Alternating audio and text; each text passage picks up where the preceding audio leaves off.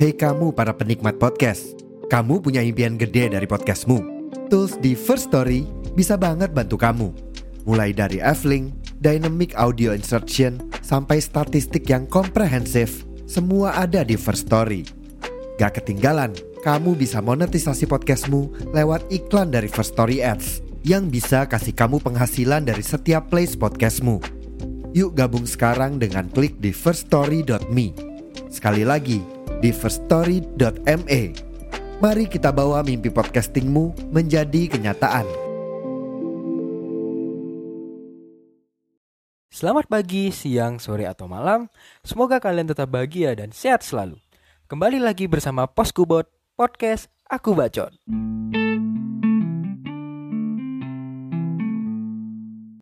Selamat pagi, siang, sore, dan malam. Kembali lagi di Pos Kubah, podcast aku Gibah. Eh, bentar-bentar. Gimana, Kok lu yang take over sih? Eh, nggak boleh. Gimana nih jadinya? Ya Oh, nggak boleh. Kan podcast gua. Ini bagian gua dong. Ya kan. Oke, gua ya. Oh ya udah deh, mohon maaf ya. Hai teman-teman semua. Eh, jadi seperti yang kalian dengar barusan, kali ini gua lagi ditemenin sama seseorang wanita yang bisa dibilang cukup independen lah ya dan berpikiran open minded tentunya. Oke, tanpa berlama-lama, dipersilahkan untuk mbaknya memperkenalkan diri. Oh, pakai perkenalan ya? Oh iya. Iya dong. Baik, eh, perkenalkan nama saya Riana Ika Pramesti, biasa dipanggil Nana. Saya teman baik Adria. Kita beneran teman baik kan ya? Jangan demi cuan aja lo ya manfaatin. Oke, boleh, boleh. Oke, em, gimana kabarnya? Baik dong. Baik dong, basi banget ya kamu ya bertanya-bertanyanya. Kita kan chat 24/7 loh. Gimana sih? Oh iya, kita kontak terus ya 24/7. Betul. Oke, em, sebagai teman dekat lah, gue bisa bilang teman dekat ya. Eh gue lihat lu produktif banget nih. Kan lu kayak anti gabut-gabut klub kan. Jadi Uh-uh. sekarang lu lagi sibuk apa sih yang lu lakuin sekarang? Gue lagi sibuk mencari orang Batak ya kan. Di grafik-grafik Alelo ini ada nggak sih bisa tahu suku mana gitu nggak sih? Kayak pendengar lo gitu suku Batak, suku Jawa gitu bisa nggak? Nggak ya? Eh gue punya dua pendengar setia sih. Kalau nggak Barus, Marpaung gitu. Gimana? Boleh boleh. Tolong ya Spotify dinaikkan lagi nih ininya. Sponsornya nih teman saya sangat sportif. Terima kasih loh Adriel. Eh, gue sibuk apa gue lagi organisasi jalan terus internship juga lagi internship juga di salah satu media online bahas pariwisata gitu gue jadi content writernya selama tiga bulan gitu aja gitu aja ya. Tapi eh, menurut gue itu cukup inilah, maksudnya cukup produktif lah ya daripada gabut, apalagi daring kayak gini kan kerjaan lu cuman bangun, ngetap zoom, terus ya udah nggak usah nyimak dosen lu tinggal setor muka doang gitu. lo itu kayaknya lu si El gue menyimak wah wah saling menjatuhkan karir gitu ah Cuman eh, mungkin untuk jadi produktif di apa ya selama kita jadi mahasiswa kan nggak semuanya pasti mau hal itu lah mas. Pasti banyak yang kayak main-main dulu lah. Nah dari obrolan lu tadi seakan-akan lu tuh orangnya fokus sama kerja gitu. Apa benarkah seorang Riana Ika? gue Itu fokus mengikuti ini ya himbauan presiden. Kerja kerja kerja ya kan? Gue kerja. Ya pagi gue maksimalin buat kuliah sampai siang atau sore itu tapi kan bisa di break dulu terus gue start untuk eh, alhamdulillah kerjaan gue itu fleksibel jadi emang remote WFH gitu. Jadi gue Hmm. Dan alhamdulillahnya lagi project leader gue itu nggak mematok untuk lo harus sekian ribu artikel ya gitu. Enggak gitu. Jadi yang penting dalam satu minggu lo input ah sorry apply eh sorry. Sorry. Eh, dalam seminggu pokoknya lo apa ngasih artikel lah kayak gitu. Jadi gue nggak merasa terbebani dengan adanya chip ini. Sore sampai malamnya gue masih bisa bermain gitu. Bermain di yang gelap bermain di yang Aduh, terang. apa Wah, tuh? nggak tahu. Aduh, apa nih? Kan kita baru kenal ceritanya. oh gitu ya Ah, begitulah El ibu kota Oh jadi eh, nggak terlalu hektik lah ya istilahnya untuk internship yang sedang lu lakuin ini ya. Tapi Enggak, enggak Hmm. sama sekali. Tapi pernah nggak sih lu kayak males banget, ah males ah gue mau pengen have fun aja udah gitu. Ntar kerjaan mah ntar gitu. Kan pasti pengen lah, penat juga kan kuliah online. Iya, betul. Sering sih, El. Karena namanya kita menulis itu, ih anjir, udah kayak autor banget lu. Paling nulis.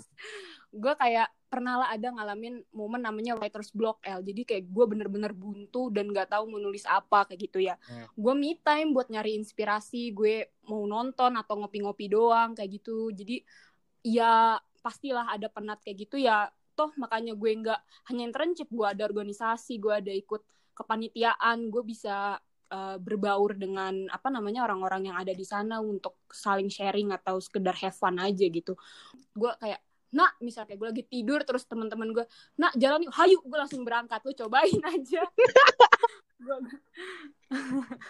Iya, pasti pengen Gitu. banget lah ya eh, main. Ya usia muda lah, you know, kayak pasti pengen main. betul iya banyak-banyakin temen banyak-banyakin apa pengalaman gitu Mm-mm. loh jadi senang lah relasi Relasi, relasi, banyakin relasi. Iya, harus tebar jala ya, Mas. perbanyak cabang Oke, perbanyak cabang. Cuman ada satu yang menarik buat gue, nak. Kan eh, untuk orang umum ya, eh, buat nulis, lo nulis artikel ya? iya Nah, nulis artikel tuh emang se-effort apa sih kan cuma tinggal nge- nulis aja di depan laptop. Ya udah kelar. Mungkin orang awam ada yang berpikiran seperti itu. Nah, dari sudut pandang lu emang susahnya tuh di mana sih selain ide ya? Eits, tunggu dulu. Sebelum kita lanjut ke pembahasan selanjutnya, mungkin dengerin ini dulu kali ya. Oke, terima kasih teman-teman yang udah dengerin sesuatu barusan. Oke, eh, mungkin kita langsung lanjut aja ya. Sok dilanjut, nak. susahnya itu mood ya. Hmm. mood itu paling penting sih menurut gue. Karena nggak maksudnya kita selama menulis tuh nggak melulu mendapatkan mood yang bagus juga loh. El apalagi kayak misal gue kan juga sebenarnya bukan penulis kan emang mahasiswa. Jadi gue juga ada kala jenuhnya terus aduh gila gue udah seharian jenuh nih sama kuliah misalnya. Tapi gue harus Hmm. tetap profesional untuk kerja untuk nyetor artikel. Itu tuh lumayan bikin gimana aduh mood agak terombang ambing. Nah mungkin eh, selain ide itu adalah adalah mood ya gitu. Nah Hmm. makanya gue kadang suka kayak gimana gitu orang ya, ah kan nulis gampang, nulis gampang. Hah, oke. Oke, Susah loh, karena dalam menulis itu apalagi artikel, apalagi ini kan kayak media online yang orang bakalan eh, wisatawan-wisatawan yang cari rekomendasi, misalnya destinasi di Bondowoso apa yang menarik gitu-gitu loh. El. Jadi menurut gue, jadi kayak menurut gue eh, apa namanya penyampaian kita juga juga harus nyampe gitu loh ke ke si calon wisatawan yang mau cari rekomendasi-rekomendasi ini gitu. Dan itu kan juga ada maksudnya ada belajarnya juga kan kayak etika jurnalistiknya terus EYD-nya is way bigger than just only writing gitu loh El menurut gue. Makanya kayak hmm. agak disayangkan kalau ada orang yang aduh kan nulis gampang nulis kan gampang. Ya ya udahlah terserah. Gitu Cuman ini nak eh, ada pernah ada seseorang bilang ke gua kan eh, namanya masa muda ya dimaksimalin lah. Jangan eh, kita apa ya ngurangin masa muda cuman buat mikirin masa depan yang kita nggak tahu ke depannya. Ada yang bilang kayak gitu ke gua. Nah, menurut lu eh, kebanyakan kerja dan kebanyakan main, lu pilih mana di antara dua itu? Misal lu harus memilih gitu. aduh agak sulit ya ini pertanyaannya Emang sengaja gue jebak lu. ini apa ini acara Najwa Shihab apa gimana ini ya Eh, aduh gimana ya El gue suka banget main sih orangnya tapi gue juga nggak bisa munafik gue itu anak tunggal El jadi maksud gue Hmm. Iya kan, gue satu-satunya orang tua yang dipunya oleh orang tua gue gitu ya. Jadi kayak Hmm. apa ya, 50-50 L kayaknya I don't think it's a good option for me karena gue tetap harus bekerja tapi gue juga jiwa gue tuh explore banget juga masih ada gitu Hmm. sih. Gue jadi punya pekerjaan yang jelas, aktivitas yang jelas, jadi gue nggak ada waktu lagi untuk overthink. Lo tahu gue overthink tuh bisa parah, bisa sampai pingsan, Parah banget, gue ya. anemia kan. Jadi gue kayak Ya, ya, I makanya know. gue kayak aduh dengan bekerja itu gue lumayan terhibur gitu loh ya ya udah gitu sih paling Oh, berarti eh, itu jadi salah satu alasan lu di balik keinginan seorang Riana buat jadi produktif gitu ya. Pernah nggak sih, Nak, eh, lu ngerasa kayak kerja udah udah maksudnya lu udah fokus kerja nih. Terus lu mikir kayak ah ini juga kebanyakan kerja pasti wasting time gitu. Lu pengen re rehat lah healing yourself? Pastilah El. Pastilah El.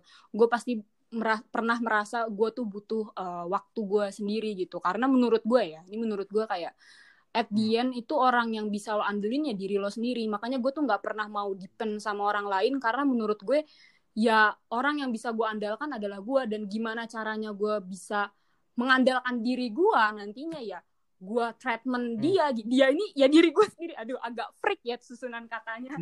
Yang jelas I really love myself gitu. Gue me time gue healing. Healing tuh bisa gue cuma bener-bener get out dari sosial media karena gue juga humas kan El. Jadi gue setiap hari melayani Q&A Q&A yang lucu-lucu itu gitu. Jadi gue bener-bener lucu tanda kutip ya? Iya betul. Gue buang dulu itu handphone gue bener-bener Netflix ke atau gue nonton film ke bioskop dulu sebelum pandemi gini ya. Terus gue me time ngopi-ngopi doang. Bener-bener gue lakuin sendiri gue ke salon.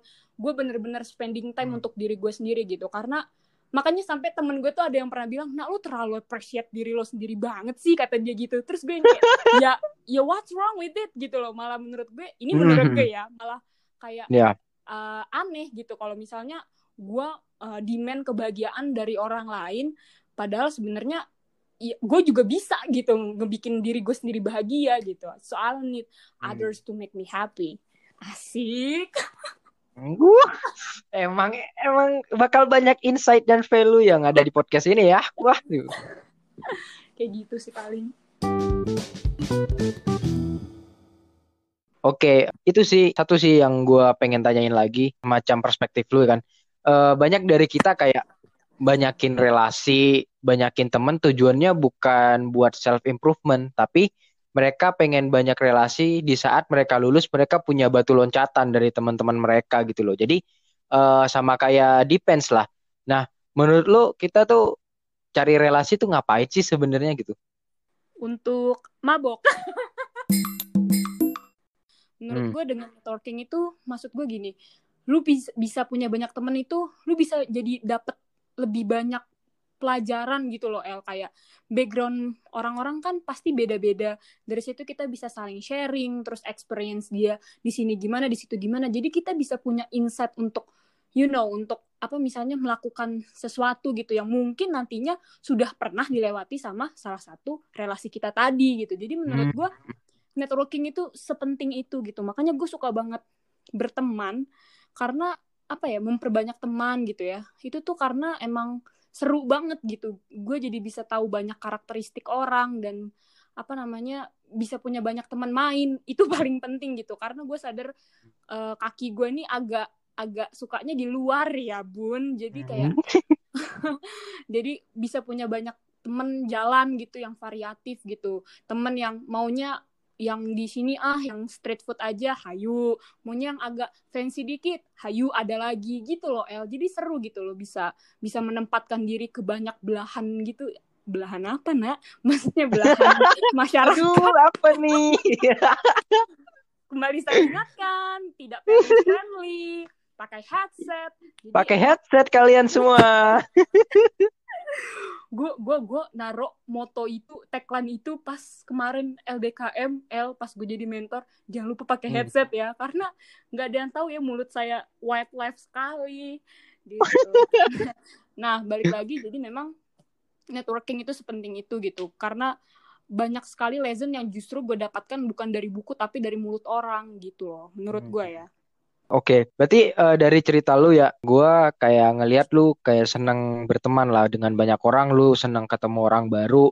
Cuman kan sama kayak yang lu ceritain tadi, ketemu banyak orang, kita temu sama berbagai macam karakteristik, dan pastinya semua karakteristik itu nggak akan semuanya baik dong. Pasti ada beberapa orang yang setelah berteman lo kok gini gitu. Jadi lu menyikapinya gimana? Kan udah terlanjur berteman nih, masa tiba-tiba langsung lost contact gitu? Agak menjurus ya pertanyaan ini. dari dari Najwa Sihab cepet ya TikToknya jadi rumpi no secret ya. Lu tahu lagi El jawabannya? gue. Apa nih? Enggak nggak tahu. gue dalam berteman pertama kali gue lihat dari orang gitu misalnya gue mau berteman dengan dia adalah bagaimana dia bisa handle mood gue gitu karena gue tuh kalau bisa gue jadiin apa ya ada kayak kiasan gitu kali ya. Gue ini kayak kandang singa gitu loh. Lo masuk mungkin gampang tapi keluarnya susah dan lo harus survive dengan singa yang moody yang kadang emosional yang kadang emosionalnya itu bercabang. Misalnya kayak ngeliat cicak nangis lo harus ready tuh bahu lo ditangisin sama si Ya, gue relate banget itu. lo kalau nonton film horor sama gue bukan ah serem tapi kayak aduh sedih hantunya teh balas dendam karena pas selama hidupnya gini gini gini gitu ya kan?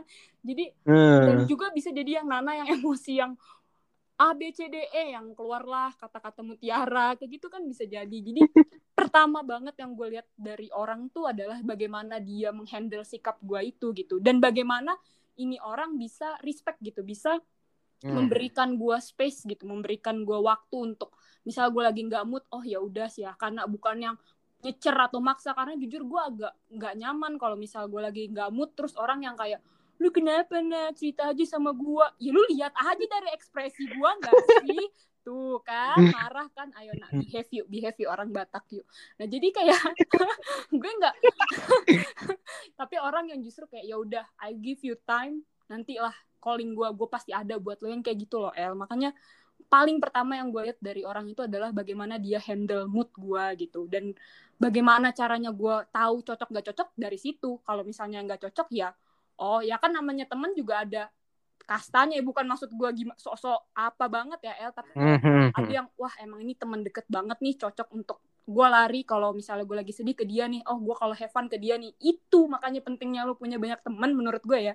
Jadi lu bisa Hmm. punya apa ya lu bisa klasifikasiin orang-orang itu gitu. Kalau lo sedih lo harus ke mana gitu. Si 911 lo ini siapa? Di saat lo mau ah have fun bener-bener fuck the world lo bisa ke siapa? Kayak gitu. Jadi apa ya eh, kayak gitu aja sih. Kalau misalnya emang gue nggak cocok ya gue gue orang yang yang realistis dan suka kejujuran ya.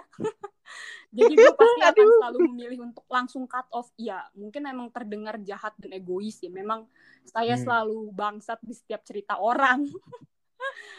Emang kita semua juga gitu kok. betul ya kan? Ya gue langsung cut off gitu. Ya caranya gimana?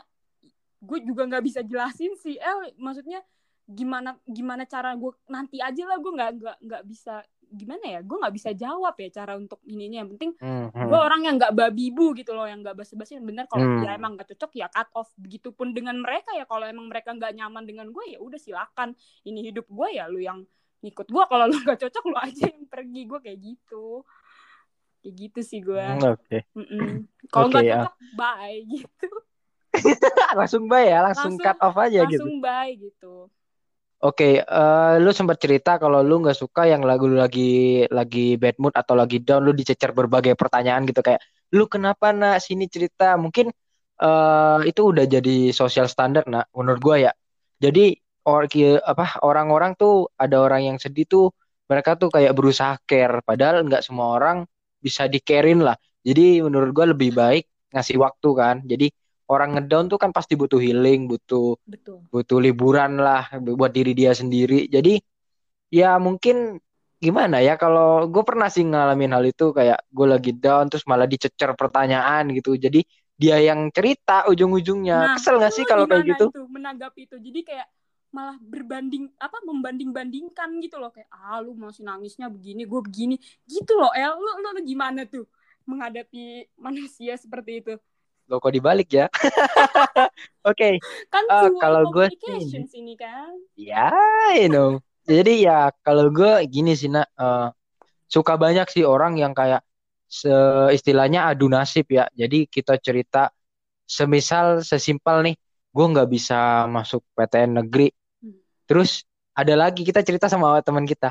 Terus teman kita malah balik ngomong gini, ya lu ditolak PTN negeri baru sekali, gue dua kali. Itu hal-hal kayak gitu yang Iya. kayak iya nyebelin banget kalau gue nyebelin. kalau gue tuh kayak misal karena kan gue anak tunggal dan orang tua gue Hmm. sebebas itu El sama gue mereka bener-bener ngebebasin gue mau ngapain aja di mana aja apa deh terserah Nana kayak gitu As- asal tidak melanggar kriminal ya terus Hmm. kadang itu tuh yang bikin eh, orang-orang sekitar gue kayak lu mah enak nah lu mah lu mah lu mah lu mati aja bisa. Gak gue tuh kesel kadang tuh orang kayak suka banding bandingin ih orang tua gue strict orang tua. Jadi tuh yang kayak kesannya tuh bukan bukan tanda kutip memuji gue tapi lebih kayak menjatuhkan gue dengan gitu loh El. Ngerti kan? Kayak dengan kata Iya, iya. ah orang tua lu kan enak nah kalau orang tua gue mah strict gue keluar sedikit udah dicariin. Itu kesannya tuh bukan malah memuji orang tua gue yang seru gitu tapi kayak menggaris bawahi secara nggak langsung kayak di orang tua lu gini ya gitu loh dan gue tuh agak tersinggung kalau udah bawa-bawa orang Hmm. tua gitu gitu Ya itulah mungkin ada satu dua kata yang dari mereka mereka anggap biasa aja tapi sebenarnya menyinggung gitu. Pasti banyak banget lah kita makin banyak kita berteman kan pasti bakal nemuin mana orang yang nyebelin lah, mana orang yang cocok. Nah, kan eh, lu seneng banget punya teman banyak. Nah, buat seorang Riana gitu, teman ideal menurut lu tuh seperti apa sih? Huh, iya ya. Sebelumnya gini, eh, kalau gue boleh cerita sedikit, seorang Hmm. Nana itu kalau misalnya lagi ada diberi masalah atau apa pun itu, selalu bagi, gue bilangnya sih gue bagi ke dalam tiga tahapan gitu ya. Tahap yang pertama Hmm. adalah tahap di mana gue bener-bener shock, bener-bener emosi, bener-bener kecewa di situ. Nah di situ itu gue tuh nggak nggak apa ya, nggak butuh eh, orang ngerti nggak? Gue hanya butuh diri gue sendiri dan bagaimana gue connected dengan Tuhan gue aja titik gitu. Tahap kedua baru gue berusaha untuk eh, lega berusaha untuk apa namanya mulailah sedikit eh, recovery gitu. Nah harapan gue tuh adalah di situlah orang-orang yang bisa datang baru lo ada apa? Lo ada apa? Yang kadang orang salah ya gue juga nggak menyalahkan mereka kan syukur-syukur dia mau care sama elu nak gitu kan. Mereka itu datang di tahap Hmm. pertama di tahap yang bener-bener gue baru shock gitu kan. Istilahnya gue baru kejedot pintu langsung di ah mana nih betadin gitu.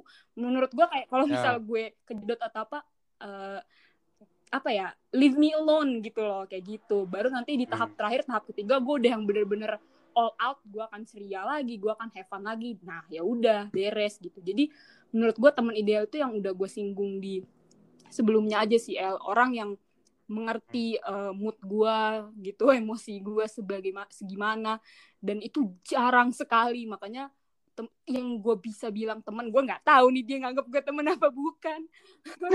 Itu tuh per 20 doang kali ya. Maksudnya yang emang sabar ngadepin gue tuh jarang banget yang bisa bisa peka dengan apa situasi mood gue gitu. Karena gue anaknya out of the box banget kan. Gimana Adriel? Kamu gimana? Wah, banget. Gimana? Kamu menjadi teman aku gimana? Pesannya? Tidak bisa ditebak, sangat tidak bisa ditebak. iya kayak gitu tapi gue seneng banget sih sama temen-temen deket gue gitu ya kayak lu lah termasuk Hmm. cie lu nganggep Hmm. gue temen lu juga gak sih Oh iya Iya. dong. ini bener ya Teman beneran ini mah bukan teman konten ya, enggak? bukan temen konten ya hmm. emang sebelum sebelumnya konten Canda, canda. eh Bang Bes eh. Enggak lah. gitu. makanya gue bersyukur sih punya bisa dipertemukan oleh Tuhan teman-teman yang emang mengerti tentang mood gue gitu yang nenangin nyabarin tuh jarang sekali loh wah gila respect gue shout out untuk teman-teman deket gue Oke, em, mungkin ini ya. Kalau gue ngelihatnya, kan gue juga seneng ngelihat kayak suatu fenomena sosial. Jadi kayak ada beberapa tahapan. Jadi ah, menurut gue tahapan pertama tuh cuman kenal, kenalan, berteman biasa, deket, baru kemudian deket banget kayak bisa jadi sahabat atau apalah ya. Nah, kan pastinya lu di suatu lingkungan pasti ada lah mana yang teman biasa, mana yang emang bener-bener temen lu yang hahaha hihi banget. Dan gimana lu menyikapi di saat dua tipe apa ya dua tipe orang itu di tempat yang sama. Misal lu di agensi yang sama lu di kantor yang sama dan lagi project bareng lu gimana? Pasti kan kayak kita lebih lepas lah sama orang-orang yang dekat banget atau bisa dibilang circle. Tapi di satu sisi di dalam satu kelompok itu ada orang yang di luar itu lu ngebagi sikapnya gimana Enggak El, gue itu orang yang nggak tahu nih ya, gue sok pede aja nih. Gue tuh orang yang profesional gitu.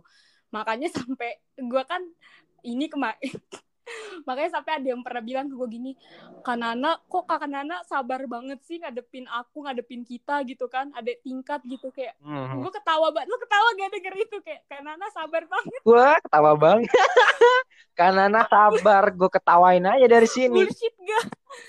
Tapi ya itu tadi karena maksud gue gini tahulah uh, batasannya gitu. Tahu tahu tahu batas intinya bahwa ini tuh lagi kerja atau ini lagi di organisasi atau ini kita di ruang lingkup yang mengharuskan kerjasama yang nggak ada judulnya satu circle satu teman deket satu musuh satu apa gitu. Gue banyak gue gue gini ya gue banyak sekali dulu ya dari SMP gue ikut organisasi gitu gua sama misal kayak sama lu kita temenan in real life tapi di organisasi di forum kita beda pendapat kita marah-marah el dalam meja itu tapi ya keluar dari hmm. pintu hmm. forum itu kita masih hangout bareng ada juga yang sebaliknya yang yang apa namanya uh, di organisasi atau di forum itu kita yang deket sependapat satu visi misi tapi saat udah buka pintu forum itu udah keluar dari pintu itu kita nggak nggak kenal karena ya nggak cocok untuk hangout untuk apa segala macem jadi gue hmm. lebih kayak gimana cara kita menanggapinya itu ya profesional lah tahu job desk gitu oh job desk ini ya hmm. yang nggak usah lah kayak milih-milih gitu milih-milih mah di luar aja untuk emang lo teman main teman apa kayak gitu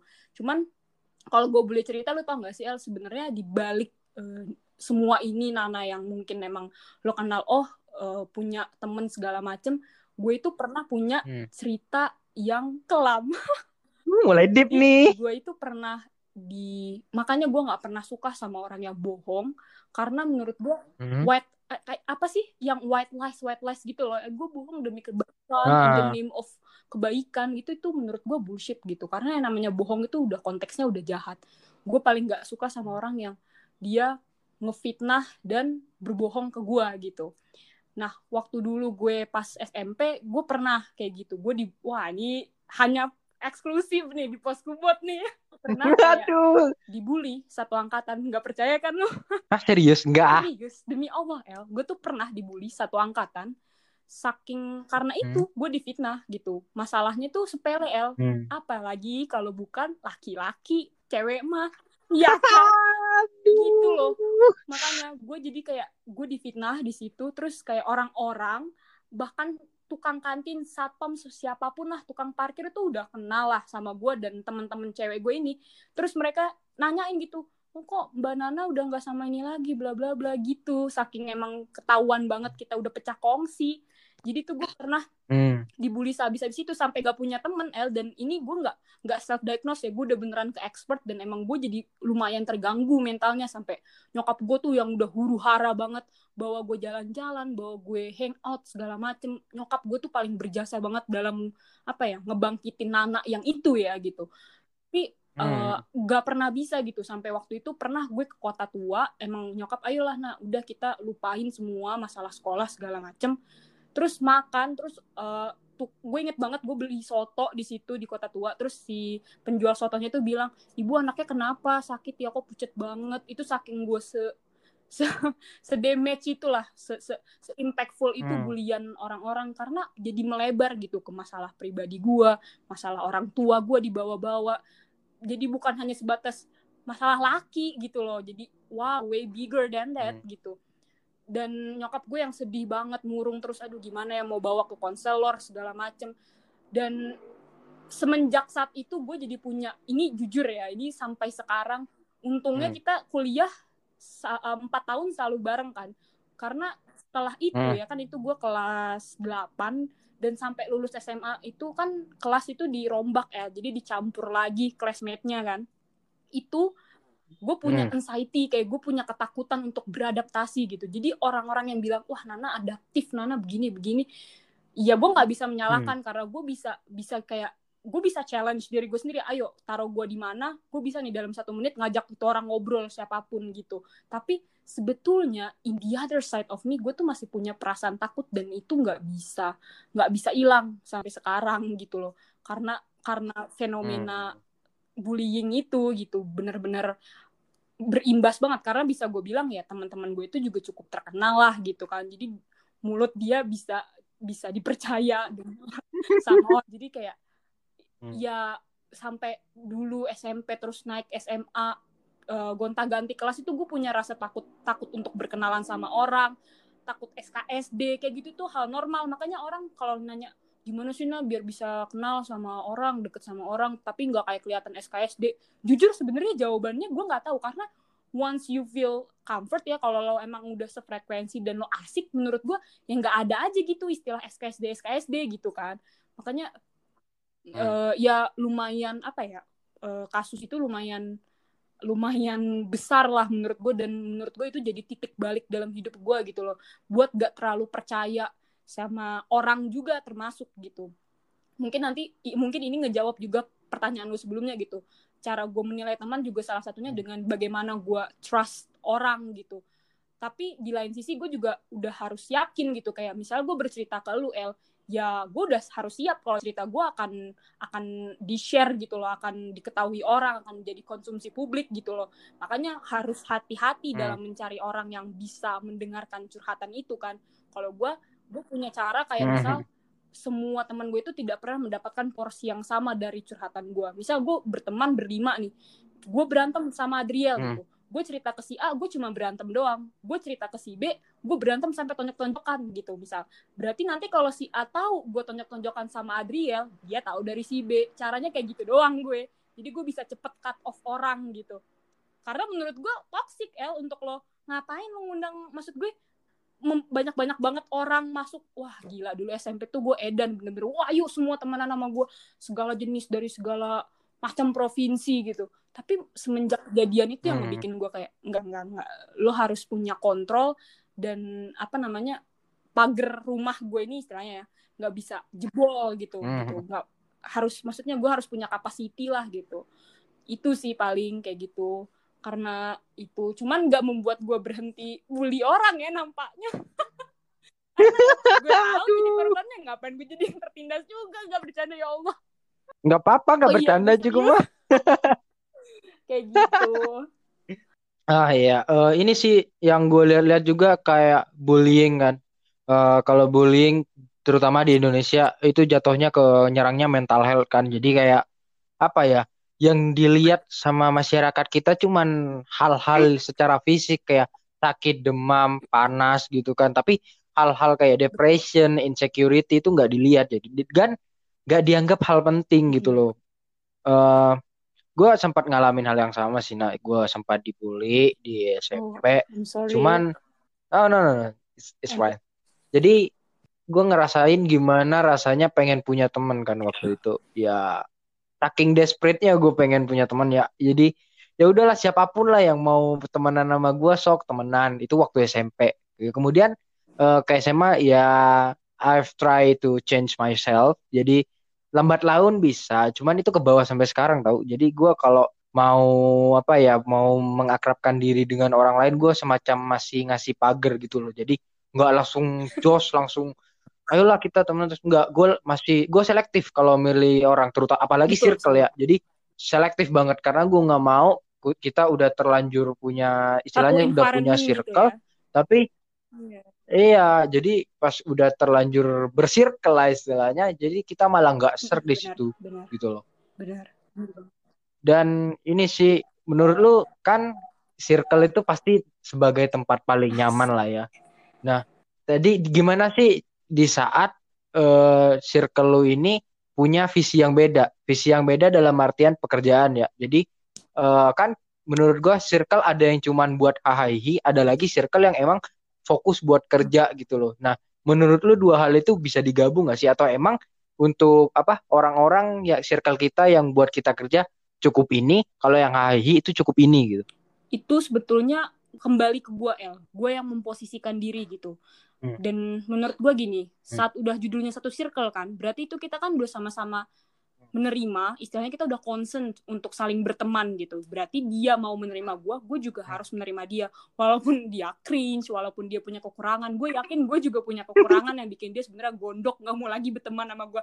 Like, gue like what gitu nggak mungkin orang mau berteman mulu apa gue dengan segala jenis keburukan kebusukan ini gitu. Tapi itu kembali mm -hmm. lagi gitu gimana gue memposisikan diri aja. Circle yang oh kerja ini hahaha ini. Gue juga ada seperti itu. Dalam artian uh, apa ya?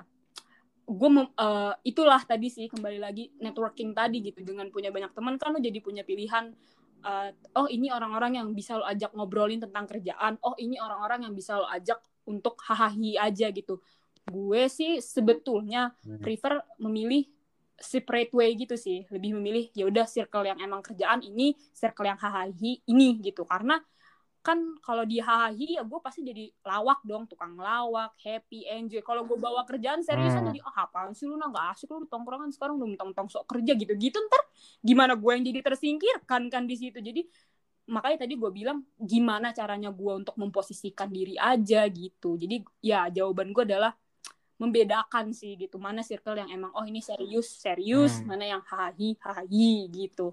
Tapi ya nggak menutup kemungkinan juga itu bisa di satu disatuin ya El. Ada juga kan yang maksudnya emang gue Hmm. punya temen yang ini orang enak gue ajak serius tapi dia juga bisa gue ajak hahi ya ayo ayo aja malah nggak apa-apa bagus gitu.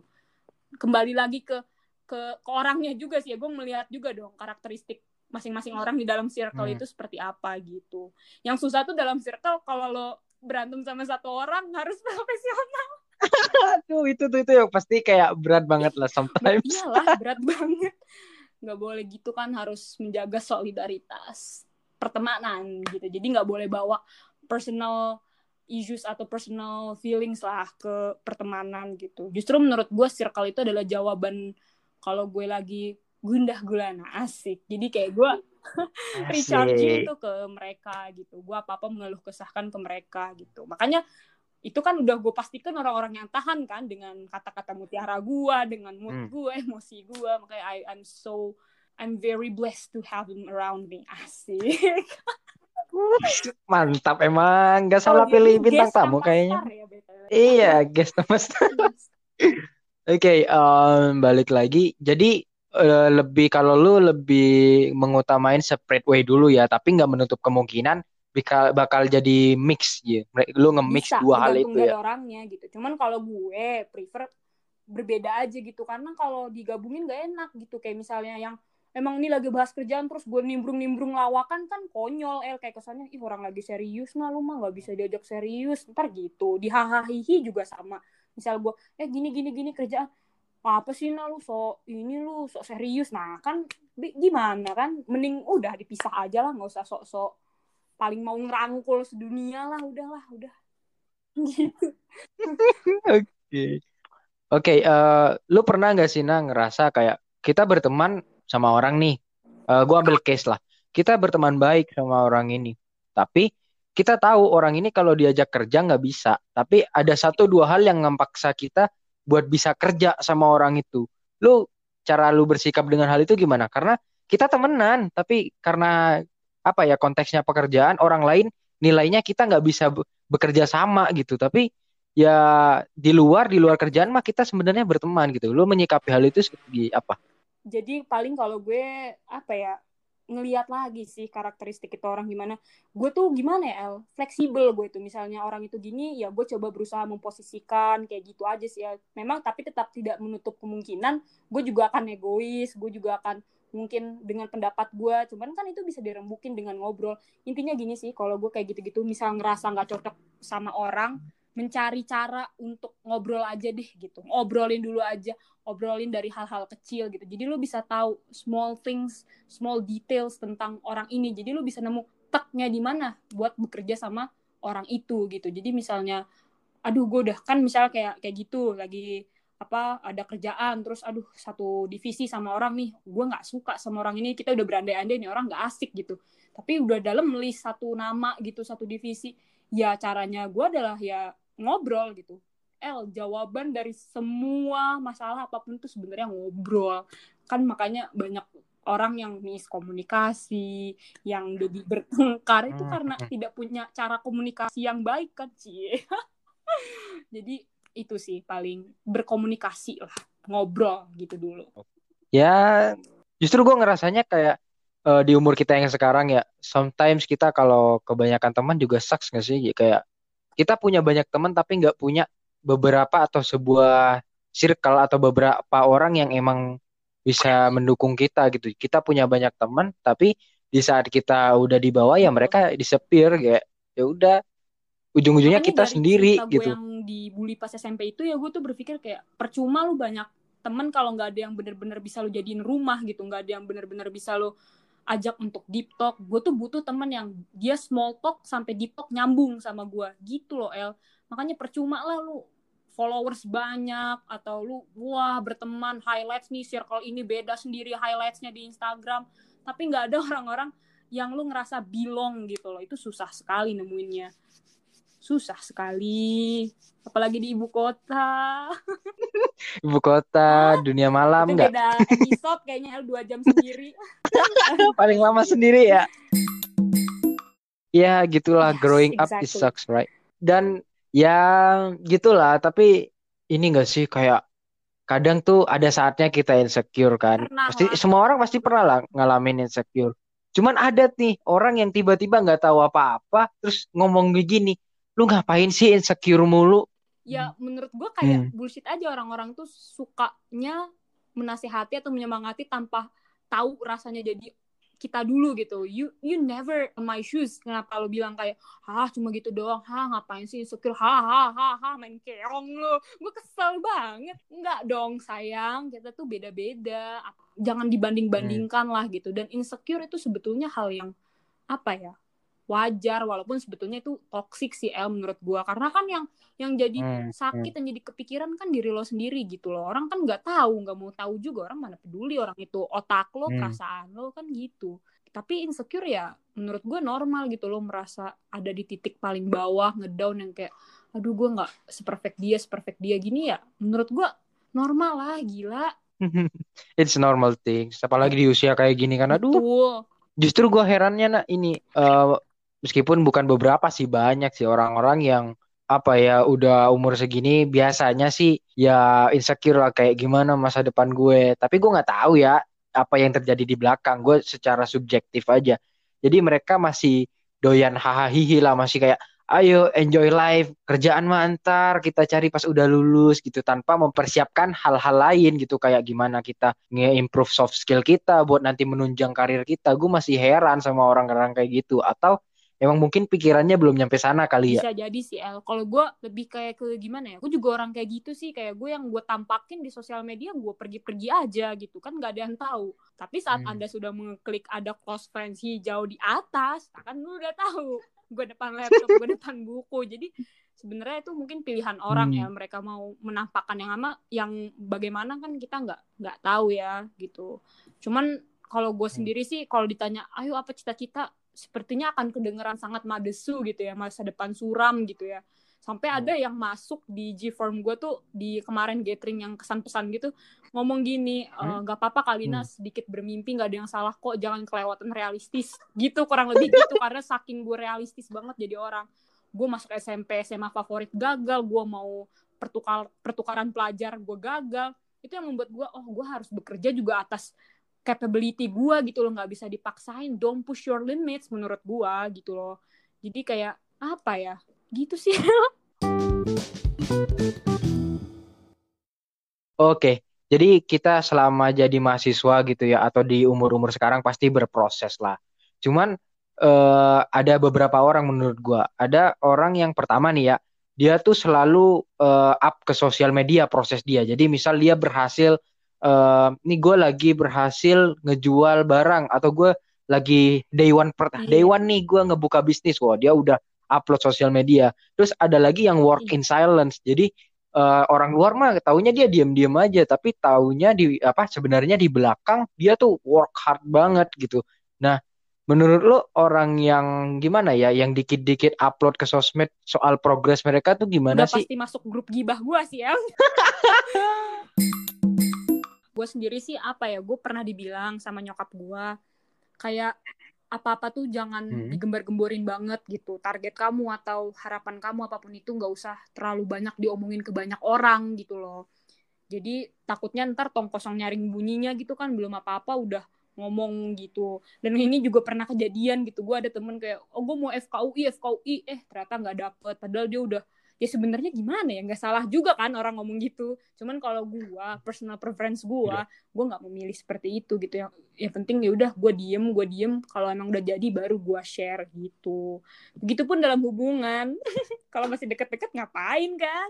Ntar aja kalau udah resmi baru yeah. share kayak gitu. Kembali lagi ke orangnya si El. Gue sih nggak nggak apa ya? Ya nggak sirik nggak apa juga lah. Ada orang yang upload postingan nih day one bekerja day one gitu ya terserah itu hak mereka juga tapi kalau gue sih Hmm. tidak tidak memilih yang seperti itu sih gue nge-share progres gue ya ke teman-teman deket gue aja yang emang kita udah sama-sama saling tahu gitu loh gitu sih El paling Iya, eh, kalau gue juga ngerasa ini sih, kalau gue nge-upload sesuatu yang belum pasti, gue takut. Nah. Karena gini, misal gue nge-upload, eh, gue day one kerja, Eh, kan gue nggak tahu, apa enggak, jangan kerja deh, magang, kan itu Iya. ada rentang waktunya ya. Eh, gue upload day one magang itu selama 30 hari. Gue upload nih day one, itu lagi day one gue upload. Terus kan kita nggak tahu 29 hari ke depan gimana, tiba-tiba kita diberhentiin kan kita nggak tahu kan. makanya kalau tadi lu nanya lu gimana nang lihat orang yang upload upload begitu ya itu hak dia gitu untuk ngupload ngupload tapi hak gua juga untuk nge-share ke grup kita Hmm. Pasti langsung masuk bahan obrolan gibah lah ya, langsung masuk list paling atas. kan ini pos kubah kan Iya, udah Ya, bukan pos kubot, pos kubah. Khusus Riana Ika gue ganti Betul, jadi pos kubah. Ya gitulah, maksudnya kayak ya malu sendiri lah kitanya kayak udah gembar-gembor orang juga udah, woi, terus tiba-tiba ketemu kan di jalan. Gimana lu kerja gini? Tiba-tiba kita jawabnya, gue udah dipecat atau kan malu. Jadi ya mending work in silence lah. Ataupun kalau lu emang pengen share mungkin di close friend aja. Maksudnya teman-teman yang emang udah sama lu dari nol gitu loh, yang udah tahu lu. Jadi mending di close friend aja lah kalau emang lu pengen ngabarin, tapi ngabarin teman-teman deket lu aja gitu kalau lu berproses kalau temen gitu. deket gue juga gue diemin aja pokoknya sampai bener-bener jadi tuh achievement baru gue share gitu Hmm, gimana ya? Gue lebih mengapresiasi orang yang tiba-tiba apa ya di kelas, di kelas lah gue ngomongnya di kelas, di kelas diem, tiba-tiba di belakang dia punya bisnis lah orang punya CV sana sini. Gue ngapresiasi orang-orang kayak gitu karena apa ya? eh, work in silence menurut gue elegan. Jadi tiba-tiba mereka bekerja keras tapi Betul. mereka nggak mengharap pujian. Tapi gue nggak nggak ngomong semua orang yang kayak gitu mengharap pujian ya. Cuman pastilah ada beberapa oknum dalam tanda kutip oknum yang ngupload kayak gitu biar dipuji kayak, Ah, weh semangat iya. ya ini. lu nggak butuh Gua itu eh gue lebih apa ya lebih ngerasa seneng di saat gue mendapat semangat dari orang-orang yang emang kenal gue.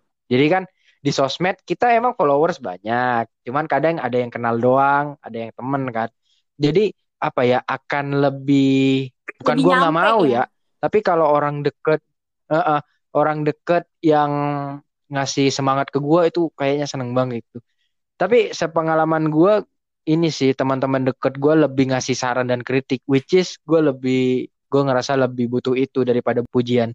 Karena gue orangnya suka terbang kalau kebanyakan dipuji, jadi gue kayak berhati-hati banget buat mendapat pujian gitu loh. Makanya itu salah satu alasan gue nggak nge-upload hal-hal progres gue gitu. Gue malah takut gitu, karena gue keseringan dipuji, gue jadinya ya star syndrome lah. Meskipun gue belum jadi siapa-siapa ya, maksudnya Takutnya sifatnya kayak gitulah diri jatuhnya. gitu. Jadi ya takabur ya gitu berbangga diri yang berlebihan enggak enggak lah enggak mau Ah, cuman ya pastilah pasti ada lah gitu-gituan mah dijalanin aja nggak usah mentok-mentok sih reputation after achieve not achieve for reputation jadi lo emang Anjay. melakukan sesuatu ya untuk ya emang itu job desk lo lo lakonin gitu. Kalau dapat reputasi atau lo dapat fame dapat pujian it's a bonus. Yang penting lo udah mengerjakan tanggung jawab lo. Jangan lo ngejar reputasi gitu. Maksudnya ngerti kan bedanya? Ah. Gitu. Malah lebih enak tuh gitu sih kata gue. Iya enakan gitu anjir. Kayak apa ya kalau gue ya lu berbangga dengan sesuatu yang masih statusnya proses itu ya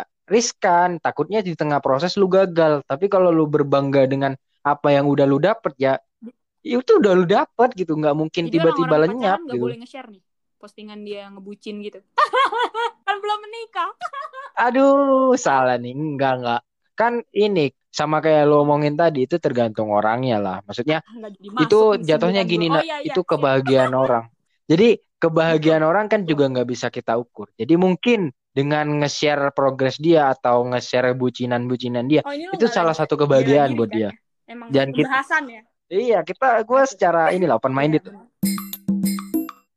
Tapi lu pernah merasakan gak sih di real life in your real life seorang Riana Ika menemukan hal seperti itu gitu. Di saat ada se- apa sebuah eh seseorang berdua lah, ada sebuah couple yang ternyata dengan mereka berhubungan tuh Ada. ya lu Ya merasa Tuhan, terganggu El, gitu. gue tuh admin Indonesia tanpa pacaran kali. Gue tuh selalu mengampanyekan zinah-zinah itu haram tuh. Ya Tuhan, jangankan yang mengganggu ya. Gue ngeliat orang gandengan aja udah cringe kayak aduh.